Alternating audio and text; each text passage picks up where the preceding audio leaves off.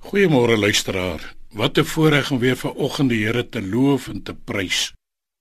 Wanneer jy terugkyk, kan jy net sê dankie dat die Here jou tot vandag deurgedra het. Baie het gebeur die afgelope tyd en steeds is jy aan die gang.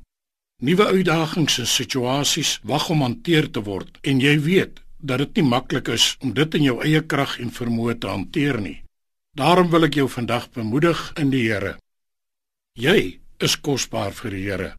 So lief het hy jou gehad dat hy sy seun Jesus Christus gestuur het om sy lewe aan die kruis van Golgotha af te lê sodat jy en die res van die mensdom gered kan word. Jy is uniek en jy is hier om God te verheerlik in jou huis, familie, werksplek, skool of waar jy jou ook al mag bevind.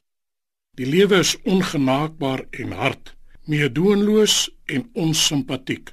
Juist daarom is jy in die plek waar jy is sodat jy ten spyte van al die omstandighede God kan verheerlik deur jou lewe. Onthou, Paulus en Silas was onskuldig in Filippi in die maksimum gevangenis met stikkend geslaande rug. In plaas van oor te gee aan moedeloosheid, depressie en neergedruktheid, het hulle in die nagure lofliedere tot God gesing.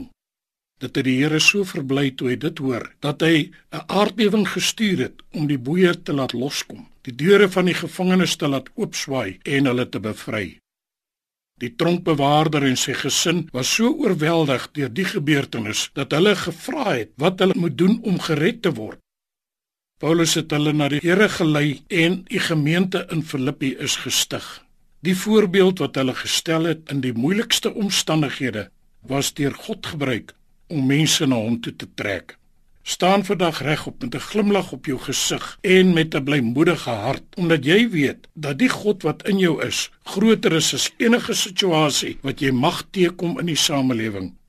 Verbly jou in die Here met opregte blydskap en dankbaarheid. Verlustig jou in hom altyd deur. Wees sterk en volmoed want jy is sy kind en hy is trots op jou. Vader, dankie dat U met my is en deur my werk in Jesus naam. Amen.